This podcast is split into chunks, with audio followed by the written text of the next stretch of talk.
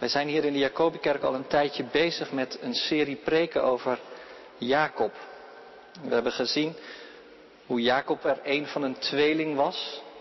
Hoe hij het eigenlijk niet zo goed met zijn broer kon vinden, Esau. Hoe hij bij Esau de zegen ontfutselde. Hoe hij zijn vader bedroog. Hoe hij een tijdje bij Laban leefde. Zijn oom op de vlucht voor Esau. En nu komt hij terug en wil hij terug het beloofde land in. Maar tussen hem en het beloofde land is een beek, de Jabok. En daar blijft hij achter in angst en in onzekerheid. En wat er dan gebeurt, dat gaan we nu lezen uit Genesis 32. Genesis 32 vanaf vers 23. Het was nog nacht toen Jacob opstond en de Jabok overstak op een doorwaadbare plaats samen met zijn beide vrouwen, zijn twee bijvrouwen en zijn elf kinderen. Nadat hij hen over de rivier had geholpen, bracht hij ook al zijn bezittingen naar de overkant. Maar zelf bleef hij achter, helemaal alleen. En er worstelde iemand met hem, totdat de dag aanbrak. Toen de ander zag dat hij het niet van hem kon winnen, raakte hij Jacobs heup aan en daardoor raakte Jacobs heup tijdens die worsteling ontwricht. Toen zei die ander, laat mij gaan, het wordt al dag. Maar Jacob zei, ik laat u niet gaan, tenzij u mij zegent. De ander vroeg, hoe luidt je naam? Jacob, antwoordde hij. Daarop zei hij, voortaan zal je naam niet Jacob zijn, maar Israël. Want je hebt met God en mensen gestreden en je hebt gewonnen. Jacob vroeg, zeg me toch hoe u heet.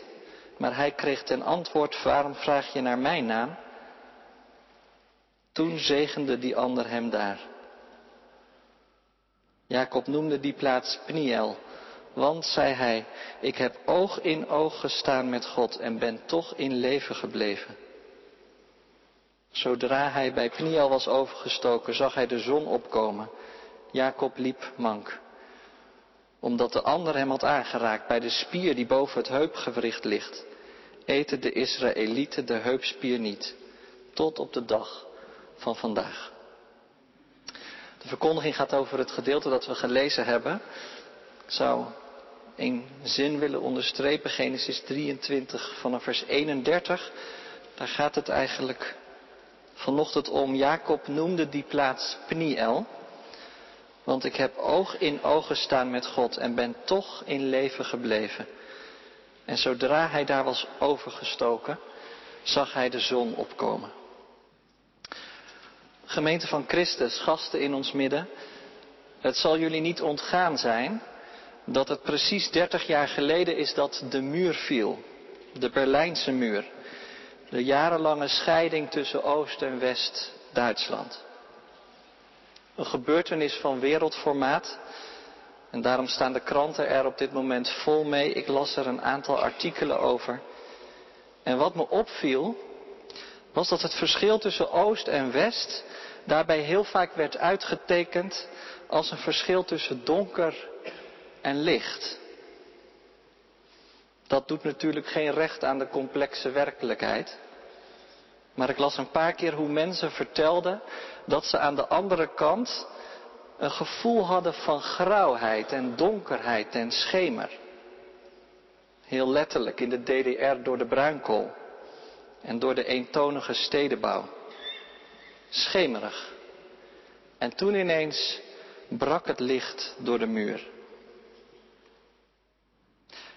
Nou, in de geschiedenis die we net lazen zie je ook zoiets gebeuren. Het is een verhaal op de grens. En je ziet het voor je hoe Jacob stap voor stap door die beek komt. De beek die tussen hem en het beloofde land in lag. En zodra hij aan de overkant is, ziet hij de zon opkomen. Na zijn jarenlange verblijf in het buitenland, op de vlucht voor zijn broer Esau, wordt het weer licht in zijn leven. Dat was niet zomaar gebeurd. Daar was een worsteling met God aan vooraf gegaan. En misschien nog wel belangrijker, een naamsverandering. En vanochtend luisteren we naar dat verhaal. En kijken we wat dat verhaal op de grens ons als gemeente en predikant te zeggen heeft. Kijk, die beek Jabok die ligt inderdaad als een onoverbrugbare hindernis tussen Jacob en het beloofde land in. Nou ja, niet dat die beek zo wild en zo woest is, want hij heeft net nog al zijn familieleden naar de overkant gebracht en al zijn bezittingen. Maar zelf durft hij niet. En niet zonder reden, want hij is doodsbang voor zijn broer Esau ergens daar aan de overkant. Want die was er heel duidelijk over geweest, dat hebben we een aantal weken geleden gelezen. Ik zal mijn broer vermoorden, omdat hij me tot tweemaal toe heeft beetgenomen. En daar komt nog iets bij.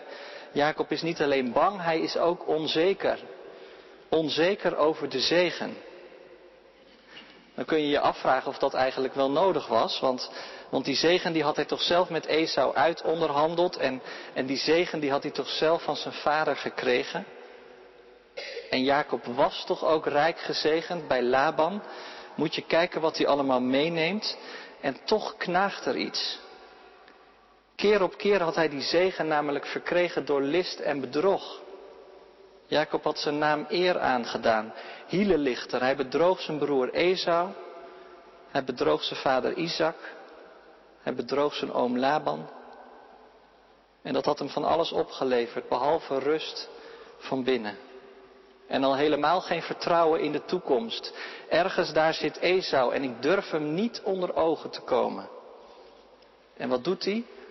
Alles wat hij heeft opgebouwd brengt hij naar de overkant. Als een schild tussen hemzelf en die onzekere toekomst. Maar al die status, want dat is het, pure status, brengt hem op dit moment niets. Het geeft hem geen enkele rust of zekerheid. Het was nog nacht, staat er, toen Jacob alles naar de overkant van de Jabok bracht. Maar zelf bleef hij helemaal alleen achter. Het is wel mooi als je al die hoofdstukken achter elkaar leest, dat de zon in Genesis 28 ondergaat. Als Jacob bij Bethel is en dat hij sindsdien in de tekst nooit meer opkomt. Op het eilandje Svalbard, ergens onder de Noordpool, blijft de zon ieder jaar van november tot en met februari onder. Die mensen moeten het doen met bouwlampen en, en met de volle maan een paar keer. De bevolking leeft daar in voortdurende duisternis of op zijn minst schemer. En het gevolg laat zich raden. Depressies en oververmoeidheid liggen op de loer. Ik las ergens dat alcohol er zelfs op de bon is omdat mensen naar de fles grijpen. Rijkhalsend wordt er in ieder geval uitgekeken naar maart. Als de eerste zonnestraal weer over de ijsbergen komt. Nou, dat is natuurlijk eigenlijk symbool, want, want misschien kennen wij het ook wel. Maandenlange schemer in je leven. Hier in de Jacobikerk komen van ouds veel studenten. En ik zie er echt naar uit om met jullie op te mogen trekken de komende jaren. Maar ik moest in verband met die schemering ook wel aan jullie denken. Want het is geen geheim dat onder twintigers van vandaag veel depressie en neerslachtigheid heerst. Uit recent onderzoek van één Vandaag bleek dat bijvoorbeeld dat drie op de tien jongeren te kampen heeft met ernstige neerslachtigheid en verlies van levenslust. Ik las een citaat van iemand. Elke dag was het een gevecht om mijn bed uit te komen, te douchen en mezelf aan te kleden om met het OV naar de stad te gaan, bij mensen in de buurt te zijn. Het was alsof ik op één dag vijf marathons liep. Nou, zo'n fysieke uitputtingsslag heeft Jacob dus ook te leveren. Want ineens wordt hij van achteren aangevallen. Hij had het niet verwacht. Hij dacht de dreiging komt van voren en ineens is er een hand op zijn schouder. En hij kijkt om en hij ziet een man, of in ieder geval de gestalte en de contouren van een man, die hem stevig vastpakt. Wie is het? Is het een huurmoordenaar die door Esau is vooruitgestuurd om hem nu al te pakken? Is het een bandiet die uit is op zijn bezit?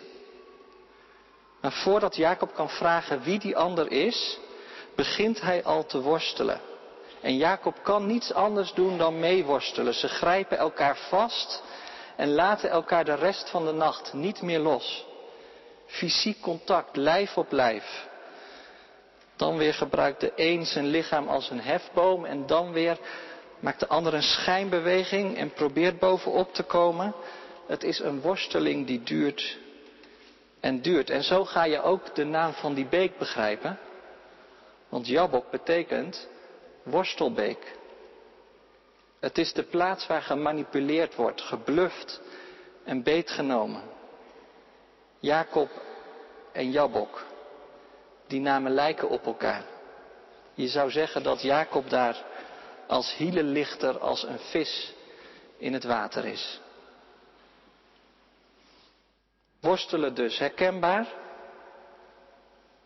Ik heb het eens ingetypt in Google, worstelen met, en dan kun je al zien wat er aan suggesties allemaal uitkomt. Nou, dat bleek van alles te zijn. Worstelen met gevoelens, met angsten, met schuld. Worstelen met het klimaat, met onrecht. Worstelen met leven, met identiteit, met toekomst. Blijkt maar weer, worstelen is echt niet alleen iets van toen. Het is ook iets van nu en het kan op allerlei vlakken liggen. Soms weten anderen er helemaal niets van en ben je helemaal alleen in je worsteling. Dat kan je ook van Jacob zeggen. Maar je kunt in ieder geval niet zeggen dat Jacob de worsteling uit de weg gaat. Nee, sterker nog, het lijkt wel alsof die worsteling een soort nieuwe energie in hem wakker roept. Worstelen is zijn tweede natuur. Daar is hij goed in. Door niet op te geven had hij zijn eerstgeboorterecht verkregen. De zegen van zijn vader, al die bezittingen van Laban. En zo geeft hij ook hier niet op, want wie weet wat hij eruit kan slepen. Je ziet in die worsteling iets van Jacobs identiteit. Jarenlange doorontwikkelde vechtersmentaliteit. En tegelijkertijd wint hij niet, maar blijft het hooguit gelijkspel. En dan gebeurt er eigenlijk iets heel verrassends. Want vlak voordat dan de dageraad aanbreekt, zegt die ander dat hij weg wil. Hij heeft gemerkt dat Jacob niet zomaar opgeeft, zelfs niet nadat hij een glimp van zijn werkelijke kracht heeft laten zien. Alleen door het lichtjes aanraken van Jacobs heup is die heup ineens ontwricht. En zal hij de rest van zijn leven mank blijven lopen? Zoveel kracht zit er blijkbaar in de handen van die ander. Het is misschien wel een eerste teken van wie die ander is. Maar er komt dan een tweede teken bij, namelijk dat die ander wil vertrekken op het moment dat de dageraad aanbleekt. Ik las ergens dat die ander daarom een nachtgestalte werd genoemd. En daar kun je zomaar de verkeerde kant mee opgaan. Alsof het iemand is die alleen maar bij het duister past.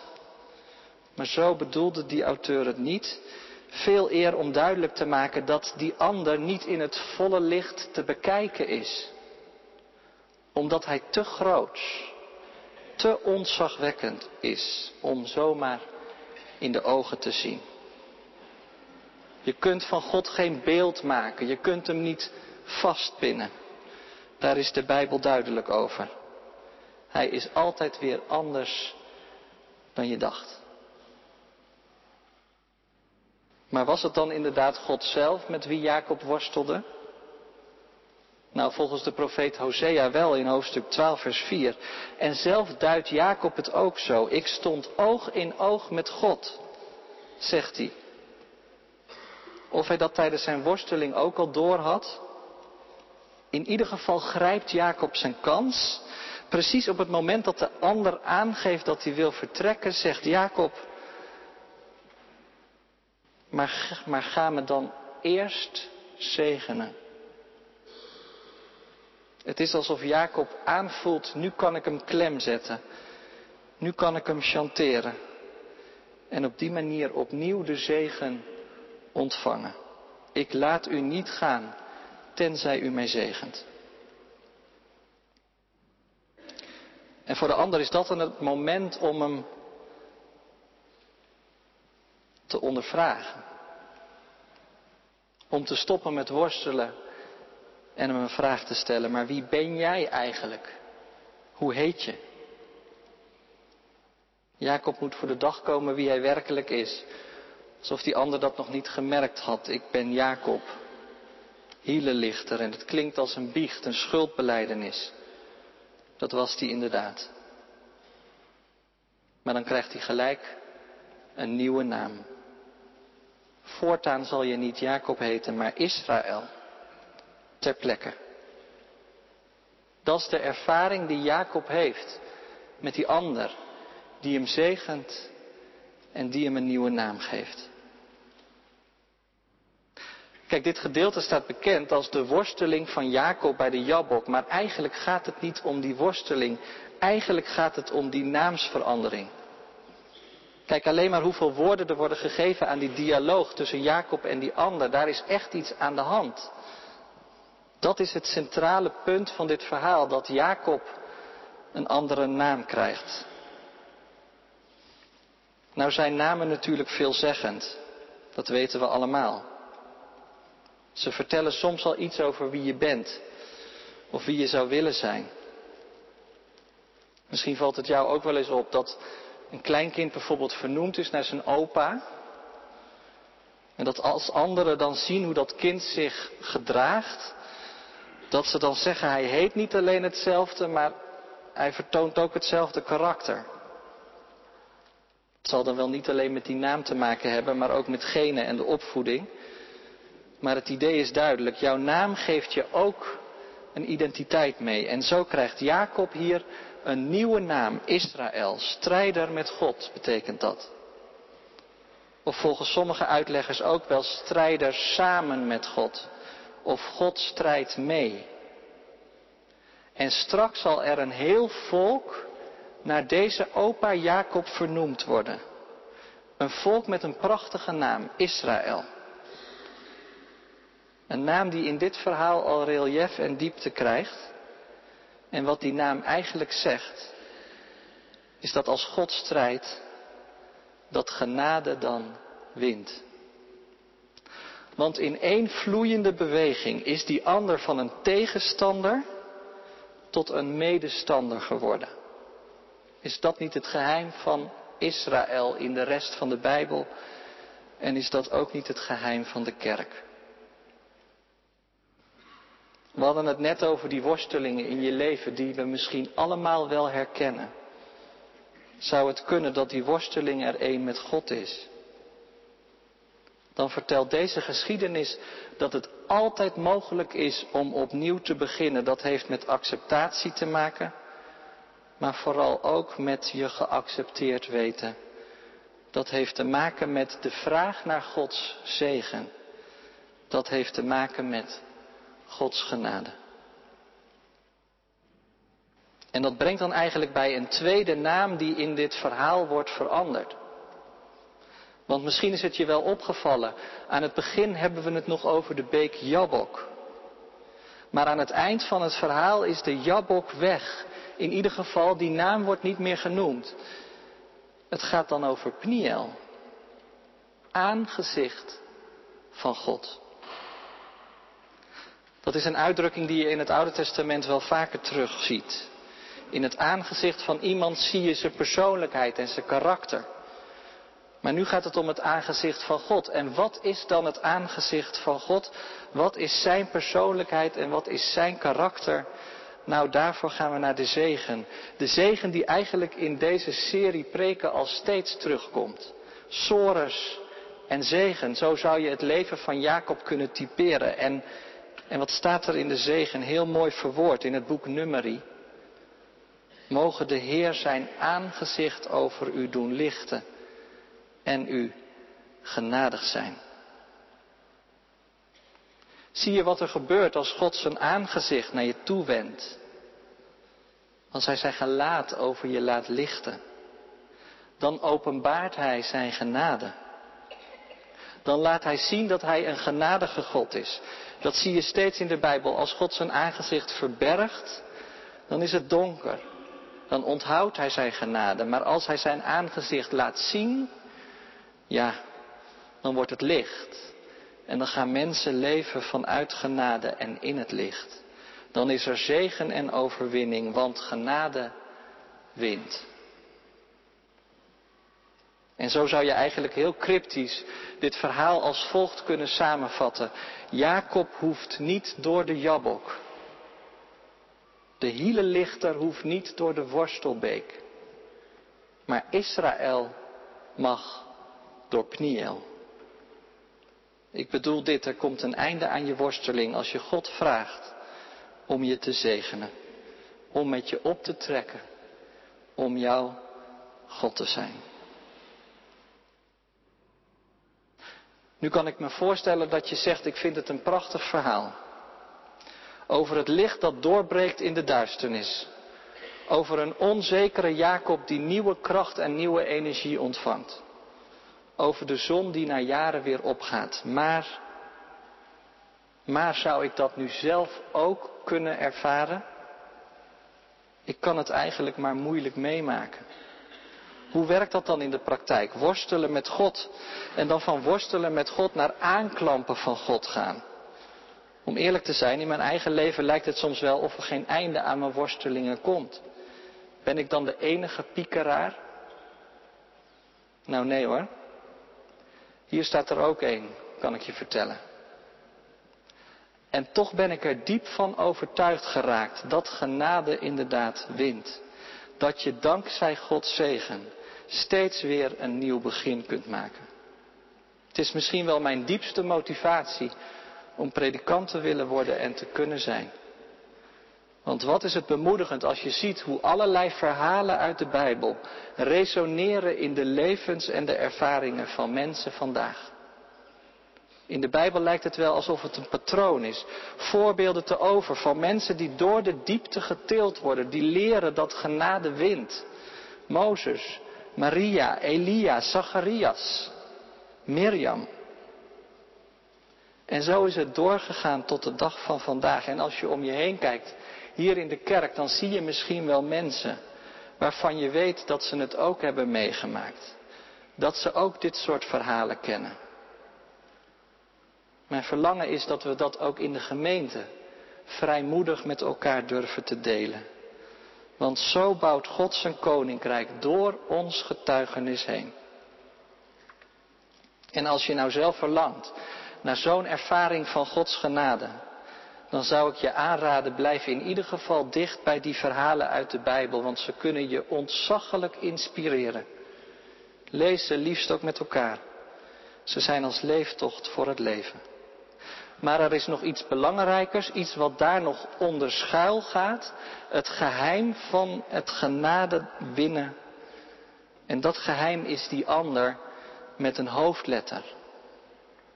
Ik bedoel Jezus Christus. De Zoon van God over wie het evangelie zo uitvoerig schrijft. Het is bijna alsof je in dit verhaal in Genesis al wat trekken van Hem ziet. Maar in het evangelie breekt het licht ineens verrassend door. Het licht schijnt in de duisternis. Wil je zelf leven van de ervaring dat genade wint, dan moet je dicht bij Hem blijven. Dat betekent dus dat je je niet losschudt als je Zijn hand op je schouder voelt en achterom kijkt. Dat betekent dat je met Hem durft te worstelen. Want ja, geloven is vaak worstelen. Het valt me op dat ik dat eigenlijk steeds vaker lees. Dat mensen dat schrijven. Geloven is worstelen. Maar er zit ook een andere kant aan. Je zult merken dat worstelen soms zomaar overgaat in omhelzen en aanklampen. Omdat je weet, die ander kan me zo omduwen. Maar hij doet het niet. Zijn leven is de verpersoonlijking van genade die wint. En zo steekt Jacob de worstelbeek over in het volle licht. De zon schijnt ineens heerlijk in zijn gezicht. Hij mag na jaren terug het beloofde land in. En hij mag gezegend verder. En tegelijkertijd is hij gehandicapt aan zijn heup, dat ook. Jacob blijft een mens met een verleden.